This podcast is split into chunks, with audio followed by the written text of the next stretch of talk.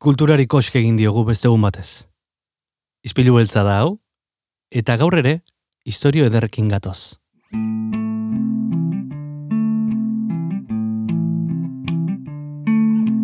Gure herria esnatu da, eta bakoitza badoa bere lekura, ustez egin behar duena egitera. Dagokiona, dagokiguna.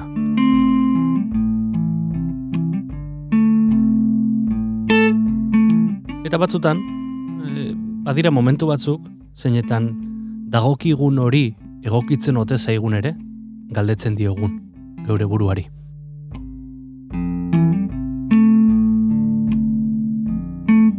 Zuentzule, lanera bidean egongo zara, eskolara umeak eramaten, esenatzen edo lana bilatzen. Bate daki nola eta zertan gukona, beti bezala, proposamen, personaia eta historio ederrak ekarriko ditugu.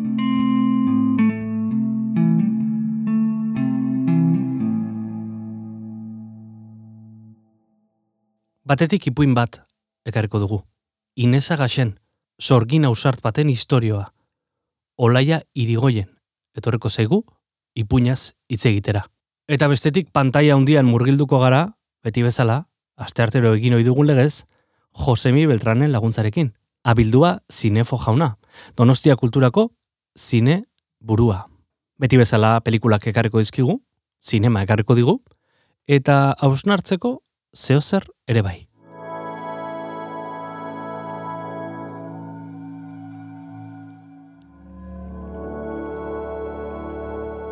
Hori guztia, eta gehiago, gaur, izpilu beltzean, Donostia kultura irratian.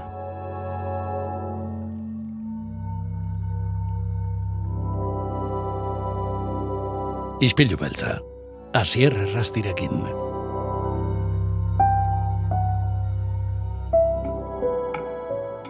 Olaia irigoien ongi etorri gure izpilura. Ba, eskerrik asko, ez, bueno, zuei eskerrak niri eukitzearen gaur hemen. Ez ez, eskerrik asko zuri benetan eh, gure bueno, txoko ontara gerturatzeagatik. E, olaia, orain hitz egingo dugu eskuartean dudan liburu zoragarri honetaz, baina horren aurretik ezagutzen ez zaituen zat, konta eguzu, nor da, nor da olaia irigoien? Nor da olaia? Bueno, ba, olaia da elgoi bartarra, e, mila behatzen dara hartan izan jaiotakua, eta emezortzi urte txokin, ba, Bartzelonara etorri zana, ba, bere ametsa, e, bueno, bilatu eta lortu nahi izan, zaundio garenak izan zein zanera ametsa ere, eta, bueno, etorri nintzen ona e, itzulpen gintza eta interpretazioa ikastera, eta horrek eraman nau edizioen munduraino, eta liburuen mundura, eta eta hori zen ez ni, ba, izkuntzan eta, bueno, letren, bueno, apasionada bat, bezala, zango nuke naizela. Eta hain zuzen horregatik iritsi zera gure gana, izpilu beltzara, e, lehen aipatu dudan bezala, nire esku artean, ba, liburu zoragarri bat e, iritsi zaidalako, estudiora, Inesa Gaxen, sorgin ausart baten historioa. Konta iguzu, zer dau? Bai, ba, behitxu. E, bueno, kontako izuet ere bai pizkatzera heldu nintzen bere gana. Bai. justo, em, ondela pare bat egun egon nintzen izketan e, Uxue Alberdikin, e, Uxue Alberdi idazleta beltzelariak. bai. Em, bueno, pixkat berari eskerrere da liburu hau, ze lehen urtean, bueno, ja, ondela urte terdi pasa, ea inuan masterra, eh, edizioko masterra hemen Bartzelonan.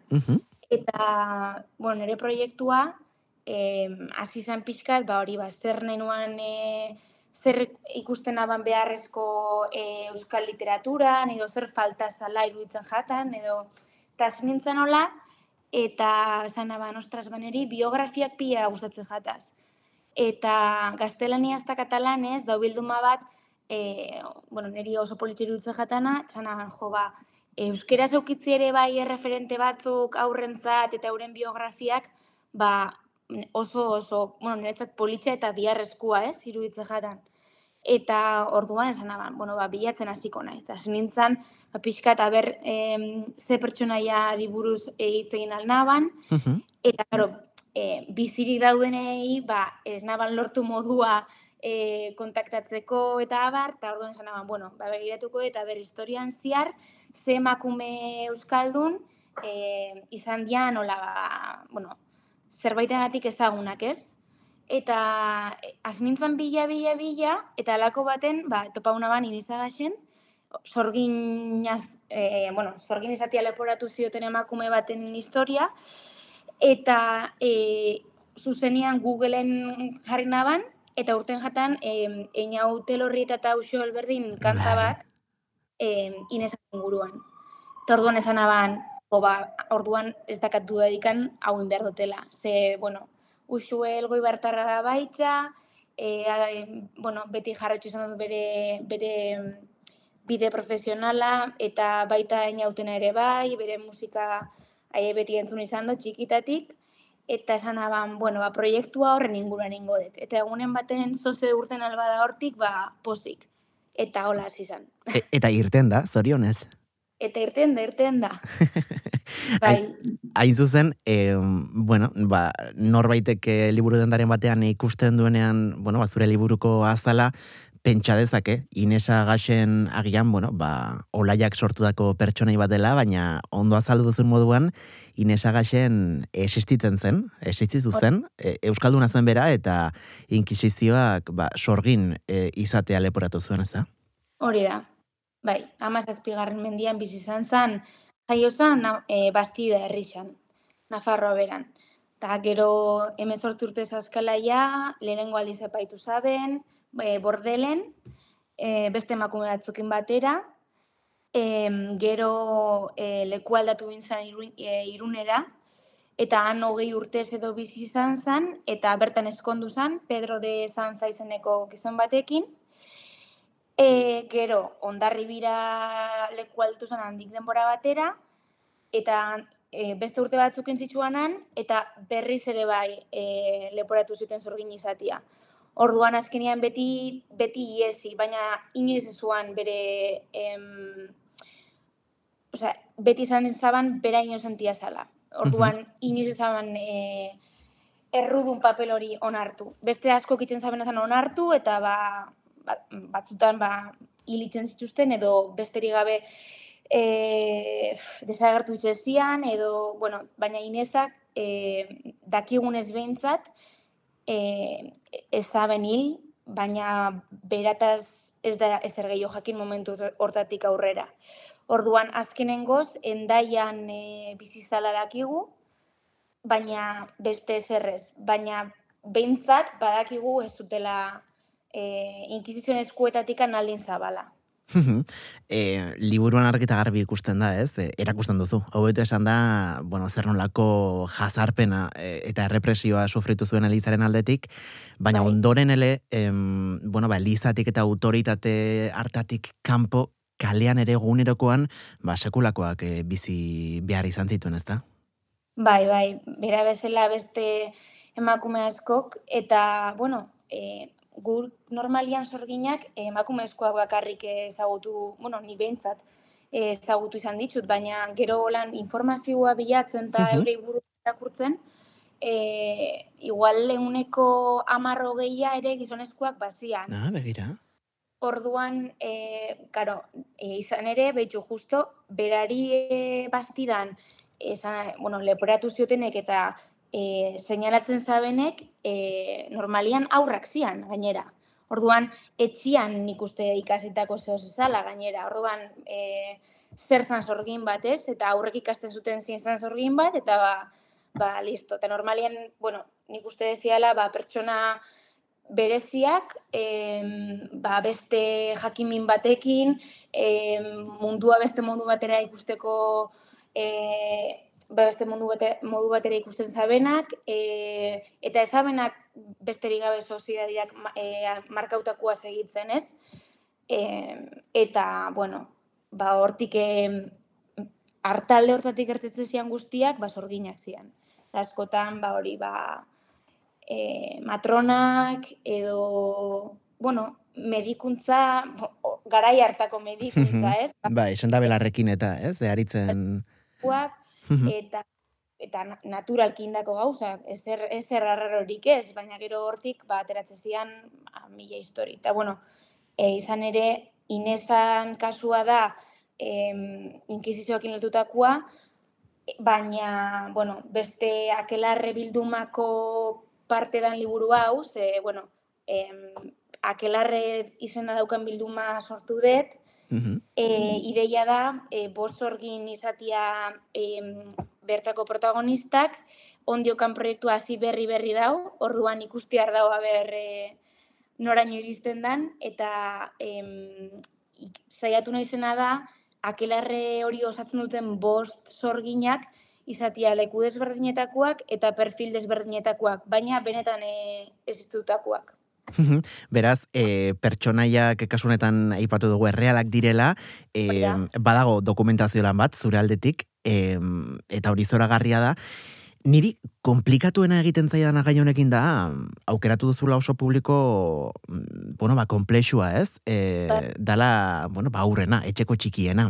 E, Bai. Liburuaren hasieran aipatzen duzu nola, bueno, bai, Inesaren kasuan konkretuki mm, sendabelarrekin eta aritzea gustatzen zizaion, eta ondoren, ba, emezortzi urte bete zituenerako, ba, bueno, ba, ba neska e, jakintxua zela. Eta, eta horren ondorioz, ba, sorgin izatea leporatu zutela. Hori ez dakit, e, nire, nire barnean, eh? Okurritu zait, mm, aur batek bere amari edo bere aitari edo, e, jo, ba, galdetuko dion, ez? Etxean zure liburua eskuartean, eta zergatik, e, jakintxu izateagatik, ez? Jarraitzen e, Bai, bai. zituzten herritarrak eta, eta bueno, ba, zuk diozun Elizako poliziak eta eta pertsona guzti horiek, ez? Pixka bat, e, beraien inozentziatik e, begiratuta guzti hau, wow, e, erabat, mm, ba, sinesgaitza delako, gertatu zena. Bai, pixkat jebisa da, bueno, e, karo, eta inesan historioan nahiko, le- bueno, lasaia da, imaginau, e, beste sorgin bat zuenakin alderatuta. Wow. Baina, bueno, ideia da, erdi fikzio, erdi egi, e, izatia liburuak noski ba, ez, ez dialako izan biharra aurrentzako trauma, trauma bat, ez? Claro.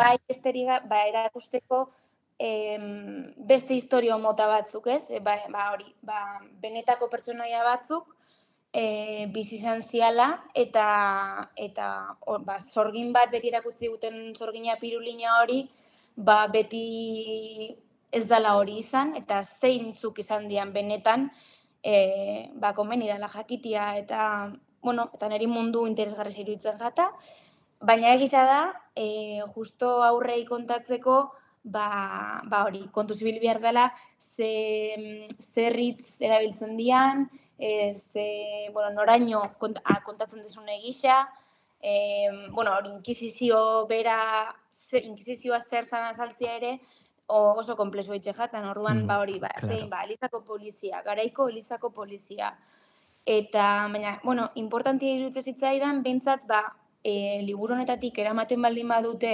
ba, zer zan inkisizioa adibidez, edo inkisizio gitza behintzat, ba, ezagun itxen bazaie gero aurrerantzian e, historian ikasten dutenian, edo, ba, bueno, pixkat, e, barneratzen juteko, ba, hori, historiako, e, ba, ja, bueno, jasotako e, gertakerekin. Eta bilduman ideia pixkatere hori da, em, em, urrengo azaroan e, kaleratuko dan liburua deitzen dela e, Las aventuras de la Aquelarre, gazteleraz da, Mhm. misio Don Quixote y Sancho Panza, Ah, ba, horre bai, azkenian protagonista sorgin bada, gero sorgin bakoitzari botere bat ematen diogu, e, pixka sekretua bakoitzari zer, baina e, ateratzen dian einean liburuak, ba, hori sorgin bakoitzak eguiko dau botere bat. Eta ideia da hori, ba, historian zehar eh, jasotakoak, modu divertigarri baten azaltzia, baina, bueno, pixkatez izatia historio utxak, ez? Ba, ukitzia hor e, beste mezu bat, em, ba, aur zazpi sortzi urteko aur bati geratzen zaiona, eta ba, nagusi xau eitzen danean, esatia, ai, ba, ba, nigo goratzen izaure irakurren nabala, eta ai, be, badaki zein dan, ba, igual hori ez, ba, Kijote zein dan, edo Rozinante zein dan, edo, Mhm. ba, bentsat, olako gauza txikixak, ba, humoriakin ze, azkenian e, abenturak humorian aldetik e, hartuta daude, eta, ba, bueno, humoriakin eta koloriakin eta abar, baina, bueno, ba, ba historia pixkat ere hortxe sartzeko. Bai, liburuak orain txaitzen ingo dugu ilustrazio eta marrazkiez, e, oso koloretsuak dira, baina egia da, bertan biltzen dena oso tragikoa dela, oso dramatikoa, eta mm, gainera, mm, tira, ba, mm, bueno, ba, zoritxarrez oraindik ere, bueno, ba, arritzen gaituen e, beste kontuetako bat izan da, mm, kasunetan Inesa Gaxenen pertsonai guztiak e, emakumeak direla, ez? E, nola askotan, ba besteak beste, e, lehen galdetu dizut, e, Mision Don Quixote izan txopanza ere, hor e, sorgin bat edo emakume bat izango zen protagonista beti dena, e, bueno, ba, gizonezkoaren ikuspegitik e, bizi izan dugulako eta areta gehiago sorginen kontu hau eta mm, zuari zaren apixka bada, ez? E, nola baitere e, patriarkatuak azkenengo mendeetan zehar sorginen inguruan ezarritako edo sortu duen irudi hori desera ikitzen bat. Hori da, bai. Ze, justo egisa da, erderaz sorgina, ez, erderaz litzateke kreadora. Berez hitza ah, e, da. hartzen baldin badozu hitza bera, e, ez dauka ezer negatibua hitzak berak, ez? Baina asko ere, baina ja lotuta daukagu sorgina eta ikotortze jaku, ba, betiko sorgina sudur handixakin, e, ba, horko ez la berruga batekin. Bai. Ez bai. hori da gainean, ez? Eta, eta politxa dela ere bai, azkenian, ba, bueno, erdi pixkat e, mitologiko bihurtzen da, hmm. bale, baina, bueno, ere bai nahi naban, ba, hori, ba, e, itxia pertsona normal-normal batzuk, ze azkenean e, benetan sorgina izatian ba, hori ama bost, ama zei, ama mendietan batez ere, e, bizi izan zidanak, e, ba, hori ziala emakume arruntak, ba, ni bezalakuak eta ba, beste, beste bezalakuak. E, olaia, ipatu duzu, emezortzi urte txorekin joan, zire, joan zinela, e, Bartzelonara bizitzera, eta hain zuzen, bueno, ba, akelarre bilduma honetan, e, gaztelaniak ez ezik, e, katalanak ere badu pixua, ezta? E, orain, mm, iritsi berri delako euskeraz e, historioa, baina alde zaurretik, e, bilduma beste hizkuntza batzuetan sortu izan delako. Bai, hori da e, bilduma e, argitaletxe katalan batek eman dit aukera ateratzeko, deitzen dela adapta, editorial, eta ilustratzailea da Elsa Zabate. Eta...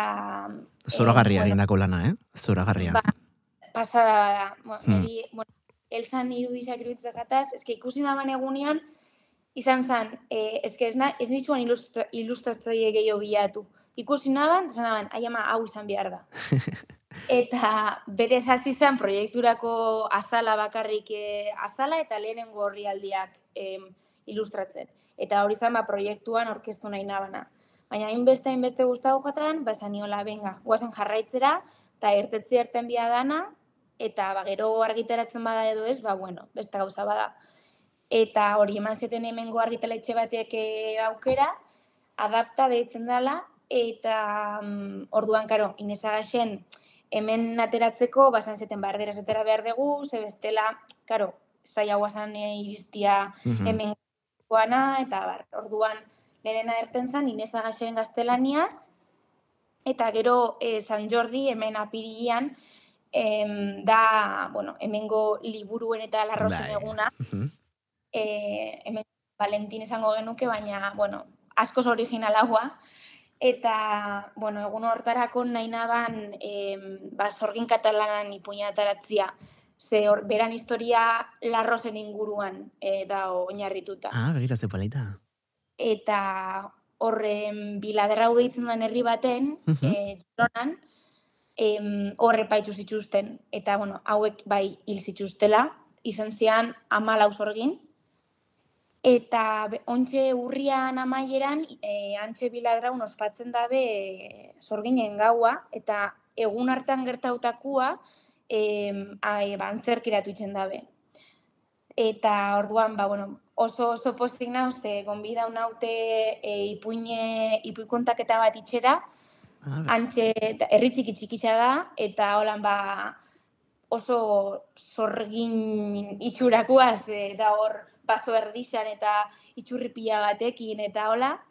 Eta, bueno, ba, bertan hango aurreri ingo diet, ba, ipuña kontauko diet, Elisabete Martinena. eta gero em, gauian, ba, bueno, bizitzen bizingo dut ana berzela itzen da ben sorginen gau hori, ze benetan han ekitaldi bada, eia bete osorako, ze herri osua betetzen dabe sorginen irudiz, hitzez eta abar. Wow, ze, ze polita ez, eta ze, ze orea hainbeste denboran zehar lanean aritu zaren, ez, ba, proiektu batekin, eta oraindik ere lanean e, jarraitzen duzunarekin, ba, horrelako errekonozimendua, ez, e, jasotzea. Bai, oso, oso, oso, oso pozik. Azkenean el- helburua hori da. Niretzako helburua da, ba hori, iristia e, aurrei, em, berdin duzen bat dian, gutxi badia gutxi, baina, bueno, ba hori, e, baten batzuk eruatia etxera esperientzia hori, em, eta, bueno, eta liburua nahi badabe, ba, liburua ere, noski, baina, bueno, bintzate momentu hori, eta neri ba eurekin e, elkarbanatzia, ez, ba, han bizitako zerbait, ni hemen guaz naizela idaztiakin, ba, respetua ere ematezian, ez? Zazkenian, ez dakizu hango familiarren batez, dauan, ba, emakumeren baten, niloban, nilo, biloban, Mhm. auskalo, Claro. eta pixka ematezian, baina gero ikusi naban, bueno, ba, e, ipuin poli bat a, ineskero ez dauala, ez, minik e, itxerikan, eta orduan, ba, hori, e, etorrera, harrera on hori eukitzia, ba, izan da, bueno, ba, hori, opari bat. Jo, ba, ba zederra, eh? Zederra olaia egiten ari zaren lana, e, zorionak benetan, niri izugarrek gustatu zait, eta ez dakit nola gonbida genezaken jendea, e, Euskal Herria meintzat, hemen donostia inguruan eta entzuten ari diren entzule guztiei zure liburua eskuratzera, non, non aurkitu genezake hau? Ba, donostin badakit elkarren badauala, eta gero, em, bueno, guk daukagu e, Instagrameko kontu bat, dala Akelarre Aventuras, eta bertan badao e, link bat, argitaletxekua, eta e, bertan ere eskatu daiteke, eta Amazonen baita ere. Baina, bueno, azkenengo aukera e, Amazonekua, e, normalian hori izaten da egokixena. Eta, bueno, eta hori liburu dendetan erosial bada, ba, beti, beti hobez. Ba, olaia irigoien benetan plazerrutxa e, gaurkoan zu hemen gure ispiluan izatea. E, ondo iruditzen bazaizu, Einaute Lorrieta eta Usue Alberdiren kantu zoragarri horrekin esango dizugu agur, ea, ea laister e, izaten zaitugun berrirore, gure uinetan. Mi esker, Eskerrik asko laia, musu bat. bai, agur. Nork oroitzen duen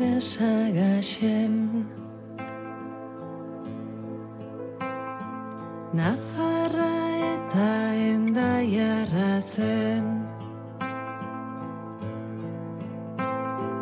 Lankreren sokaz torturatua. Jazarria jazarririk bazen.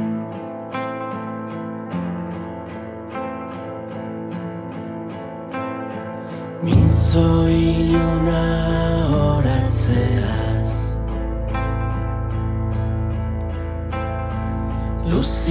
Lucifer bera horatzeaz. Itxasontzia kondoratzeaz Salatu zuten herriko aurrek.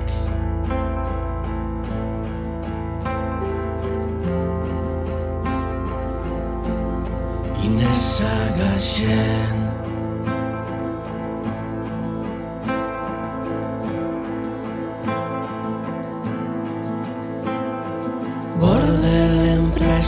luzaz izan zen.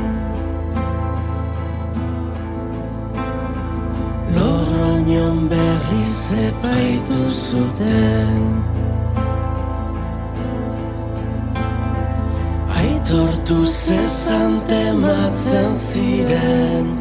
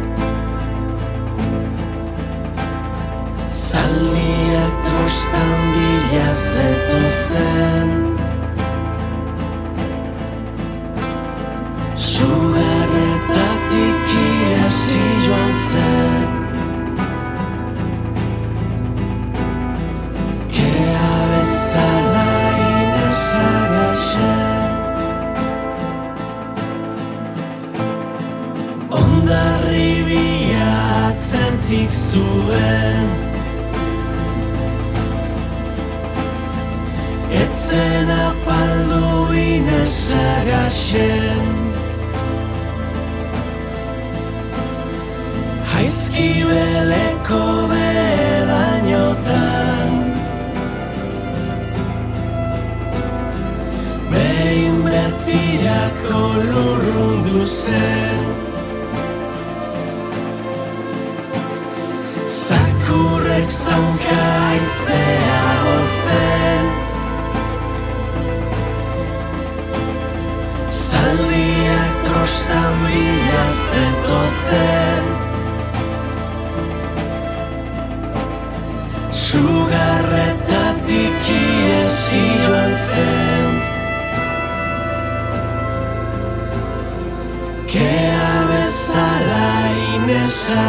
Inesagaxen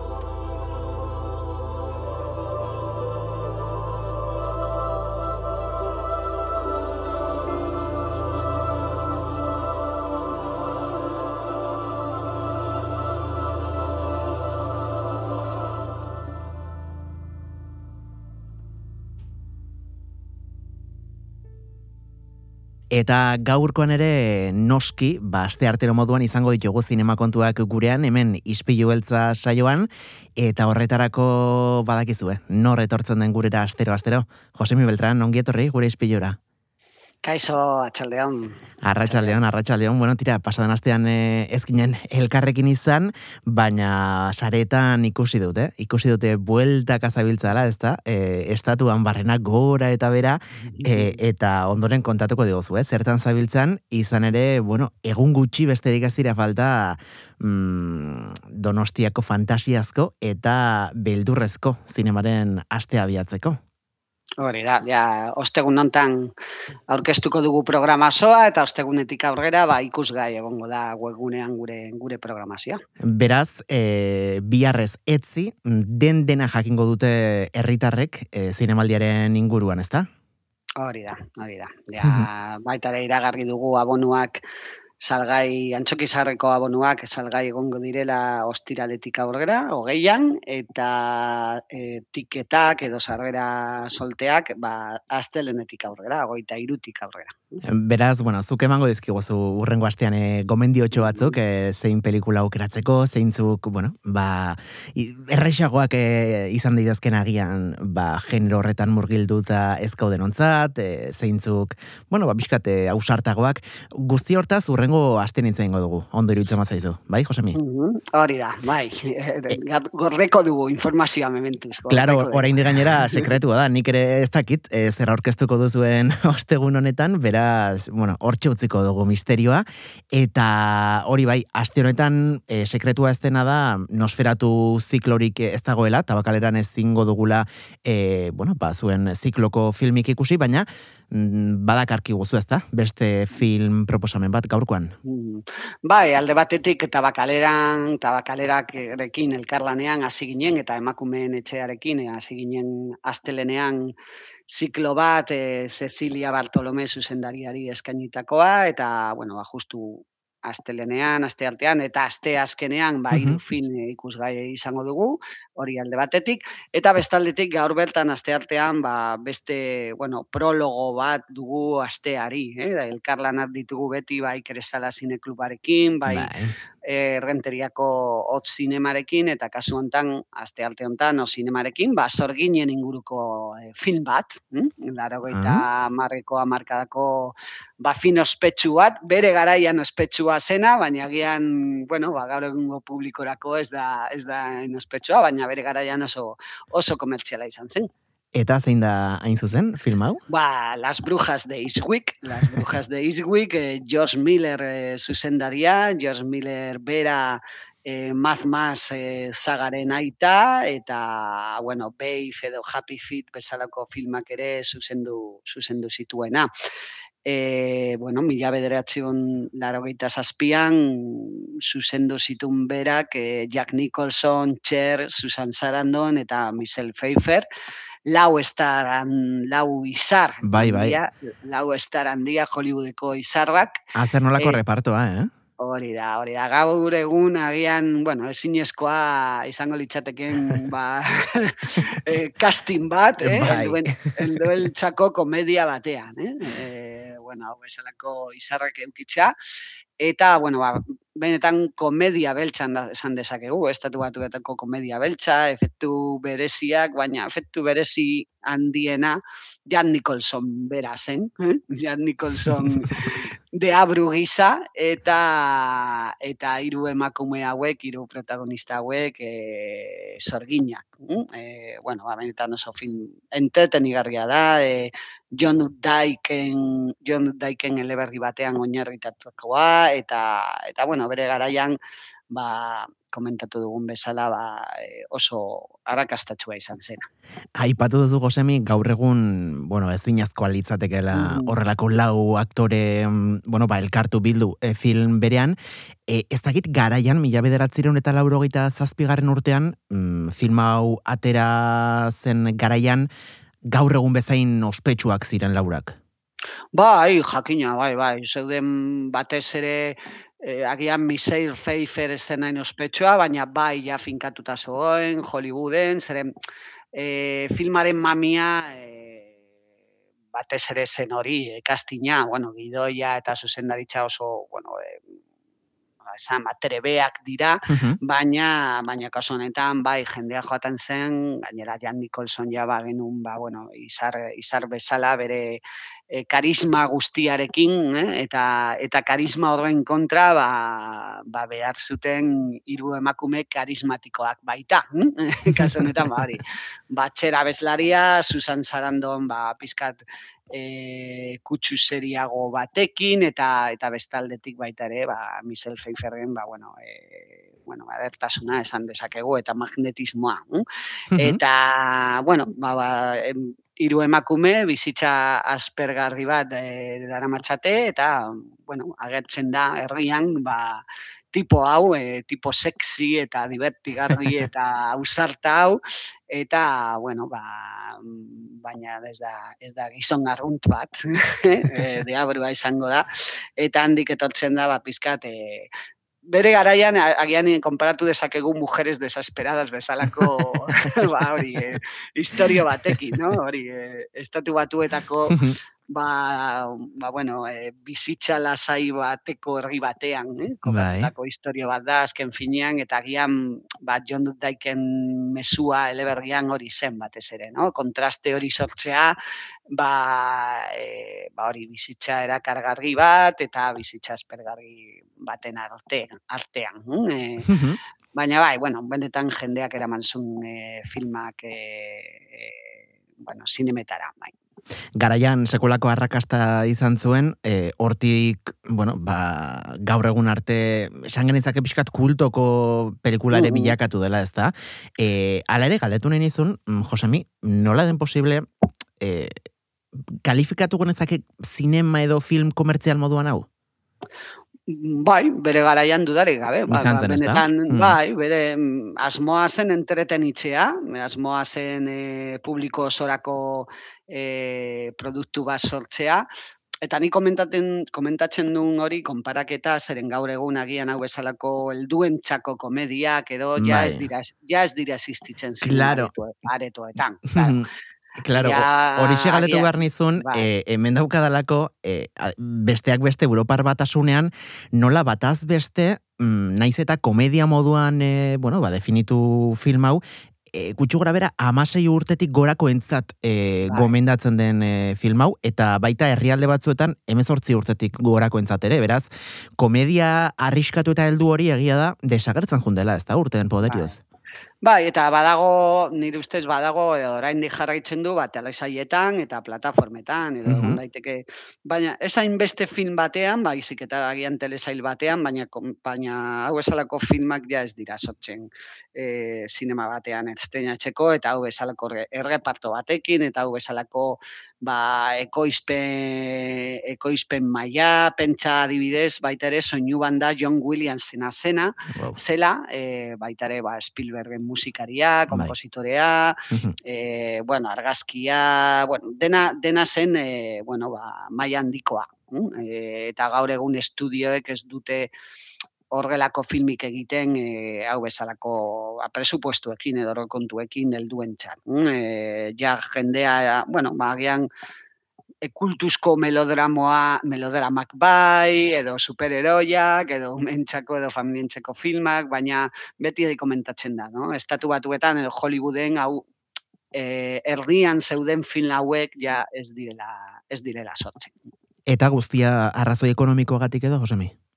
Bai, baina baita ere ohitura aldaketagatik. Agian ja hau bezalako e, publikoa ez da joaten filmak ikustera, eta agian ba, publiko helduak nahiago du, ba, deberez Europa, no? Europa mailan ba, Mhm. publiko helduak nahiago du ba, Europako egile filmak, eta pentsatzen du hau bezalako komedia bat, ba, ja, ez daukala, edo hau bezalako eskaintza daukala lekua gehiago ba, bere telebistan, bere, bere etxean, bere pantailan, no? Bere garaian adibidez mejor imposible, Bai. e, baita ere Jan Nicholsonena zan, eta hori ba, askoz beranduago agertu zan, baina oraindik e, horrelako filmak agertzen ziren e, pantailetan, eta are gehiago Oscar betan zeuden, e, ba, izendatuta, eta ba, e, baina bueno, bero ere egin dezakegu ba, ez dakit, abesti nostalgiko bat esanez, ja hau bezalako izarrak ez dira asistitzen, eta bat, eta bat,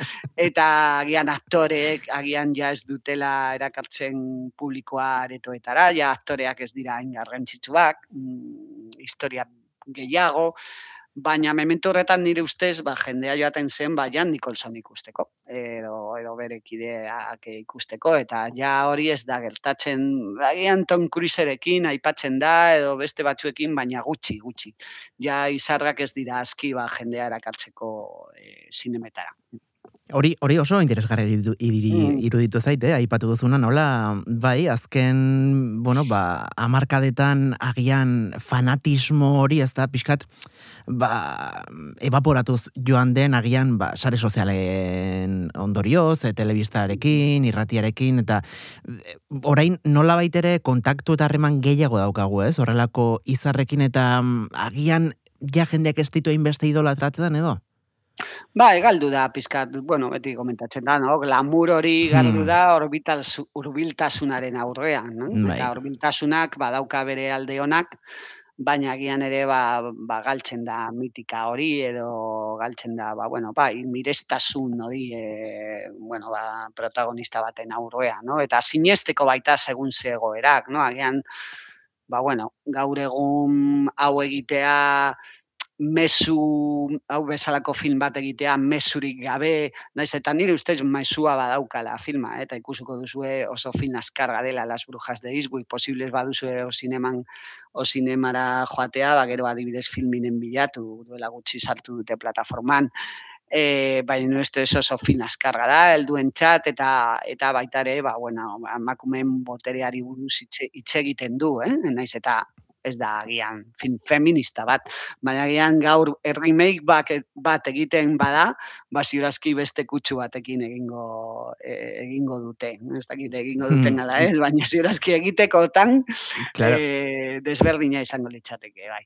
Eske, Josemi, errez esaten da, laurogeita zazpikoa dela, hogeita amasei urte pasa dira, eta hogeita amasei urte hauetan, azer nolako evoluzioa bizi izan duen gure gizarteak. Nola, nola zartu duzu ustez ze film honen argumentuak? Eh, barkatu, barkatu, nola... eh, Ez, ez aipa-. Aipatzen izun, bueno, ba, hogeita amasei urte badauzkara, e, film honek, eta askotan, bueno, ba, garaiko filmak gaur egungo ikuspegitik eh, ez dira oso politikoki zuzenak, Bai, bai. eh, emakumeekiko, bueno, ba, tratu hori eh, zorionez ez da gaur egungoa, em, nola, nola zartu da, eh, kasu honetan Bai, nire ustez, nire ustez ez, ez du, ez du galdu, eh? Nire, duela gutxi irakurri nun, eh, bueno, ba, bat, eta testu, ba, kritikari feminista baten testua filmari buruz, eta bera komentatzen zuen, ba, bueno, ba, sorgin hauek, eh, Txer Sarandon eta Pfeiffer, ba, bueno, azken finean, e, bueno, ba, boterea berea zena, eta horrela, bueno, asaltzen da batez ere eh, filmaren amaieran, baina baita ere egia da bestalde batetik, ba, pertsonai karismatikoena edo dela eh, Jack Nicholson dudarik gabe, baina hori mm, historiaren barruan dago, zeren bera da bera da deabrua eta bera da bera da zergintzen dituena, eh? Mhm. emakumeak zergintzen dituena, baina erdian, ba, bueno, badago askatasuna lortzeko ba, e, bueno, desio bat e, haien artean, eta badago baita ere, ba, ba bai sexy kutsu bat eta eta komedia kutsu bat eta hori arintasuna ematen dio istorioari. Eta batez ere seriotzat hartzea seriotzat hartzea hau bezalako film bat e, bueno ondo da komedia seriotzat hartzea nire ustez zeren komedia ona egitea oso gai serioa da Mhm. eta nire ustez hau komedia ona eta eta azkarra da, no? eta beti Josh Miller zuzendaria e, ondo egin du hau, e, bueno, ba, aipatu dut Mad Max e, saga edo Bai. edo Be- Beif edo Happy Feet ematen zuten Mhm. ba, fi, aurrentzako filmak, baina aurrentzako film oso azkarrak ziren, eta nire ustez horrek, e, bueno, ba, horrek ere, ez du, eragiten du, ba, ba, balorea ez galtzeko, filmak balorea ez, ez galtzeko. Ba, tira, gaurko proposamena Las Brujas de Eastwick. E, ez dakite ipatu dugun, non ikusi izango dugun gaur arratsaldean. Ba, o zineman, e, renterian, ni esen, ni esen zinema aretoetan, Mhm. e, zaz, zazpiter bitan. Ba, ba tira, bertara gerturatzeko aukera duenak ziur, e, eunda amar minutu zoragarri pasako ditula, e, Josemi Beltrani komendatzen duen filma, e, hause delako, eta badakigu, e, donostian norbait badaditua, zinemaz, hori Josemi dela. Eta hain zuzen, e, zinema aditu hitz eginda, Josemi, e, ez dituzu lau egun baino gehiago pasa, e, donostian zinemaldia amaitu zenetik, e, Ze, zertan zabiltza, e, hor ikusten dugu zure sare sozialetan, sitxesen, orain ere, e, juntzai burutik, ez dakiz e, festivaletan ibilitzaren. Klam, klam, klamen, klam. hori da, hori da, klamen. izena, klam E, izena. aizu, mm, konta iguzu, ze ari zara hor e, saltxeatzen? Bai, ba, bueno, ka, bat, batez ere Katalunian barrena, e, pasaren astean hitz egin genuen zitzesen inguruan, eta eta hilabete honetako amabian hasi zen e, klan edo nazioarteko zinemaldia e, gizarte gaiekin lotutako Kataluniako gizarte zinemaldia, eh? e, Mhm. gizagaien zinemaldia. E, hau garatzen da e, hiru herrien artean, Manresa, Nabarkles eta San Fruitos de Vallés, dauka programa oso luzea eta nitxa, berez hogeita bir arte egongo da, bueno, ba, filmak erakusten, e, gonbidatuak baitere, ba, bueno, e, baitare gonbidatuekin solasaldiak egongo dira. Adibidez, pasaden asteburuan egon ginen Olivier Asaia zuzendariarekin eta Rodrigo Sorogoyen baita egon zen masterclass ematen, zeren biak izan ziren ohorezko sariak e, zinemaldi, zinemaldi honetan. Eta astean zehar ikusgai egongo dira, ba, adibidez, Donostiako zinemaldian ikusitako zenbait perlak. hm? E, Aki Kaurismaki, edo Wim Wenders, edo Hamaguchi, edo Mateo Garboneren filmak daude programa honetan. E, eta baita ere Euskal presentzia badago eta egonda eta egongo da. Mm? E, adibidez, El sueño de la sultana filma, 20.000 especies eh, de abejas, edo Las buenas compañías, gure gizaskubiden zinemaldiko eh, publikoaren saria irabazi zuena. Osea que, bueno, abenetan oso agian oso ezaguna ez den, orain arte oso ezaguna ez den, e, bueno, ba, zinemaldi bat, baina nik benetan, bueno, azkenengo hiru urteetan, e, bueno, ba, hasi egin dira eta eta benetan gomendatzen dut, gomendatzen dut.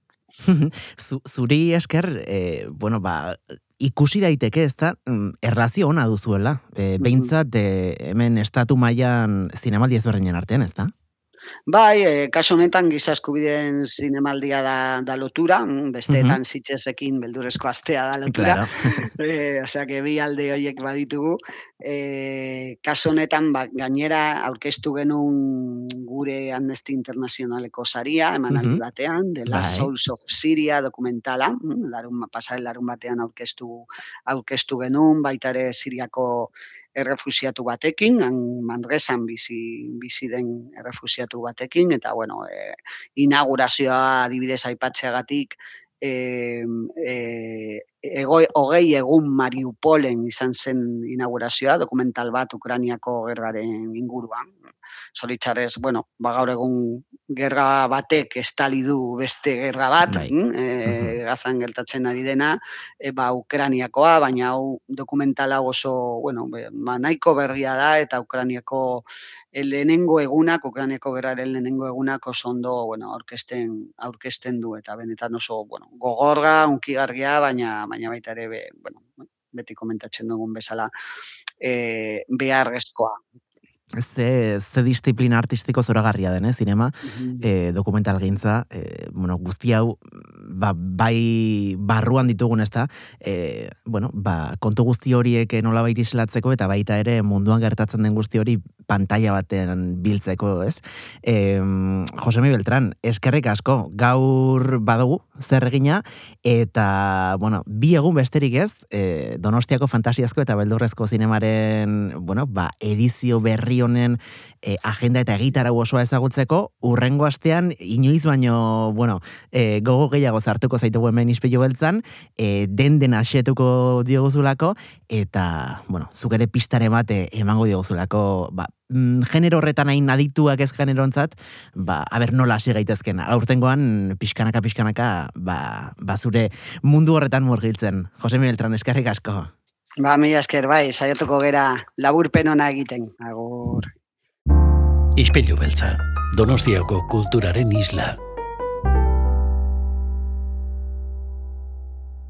Ba, tira, gure aldetik besterik ez, eskerrik asko, gaurkoan ere gurekin hemen sorginkerietan ibiltzegatik, badakizu biharre ona, eh? itzuliko garela, donostia kultura irratira, goizeko zortziretatik aurrera, eta nahienan ere, ba, izpeilu beltza zuen eskura, ipintzen dugula Mm, ba, guztuen duzun podcast plataforman entzun gai. Biar arte, txintxoak izan, agor!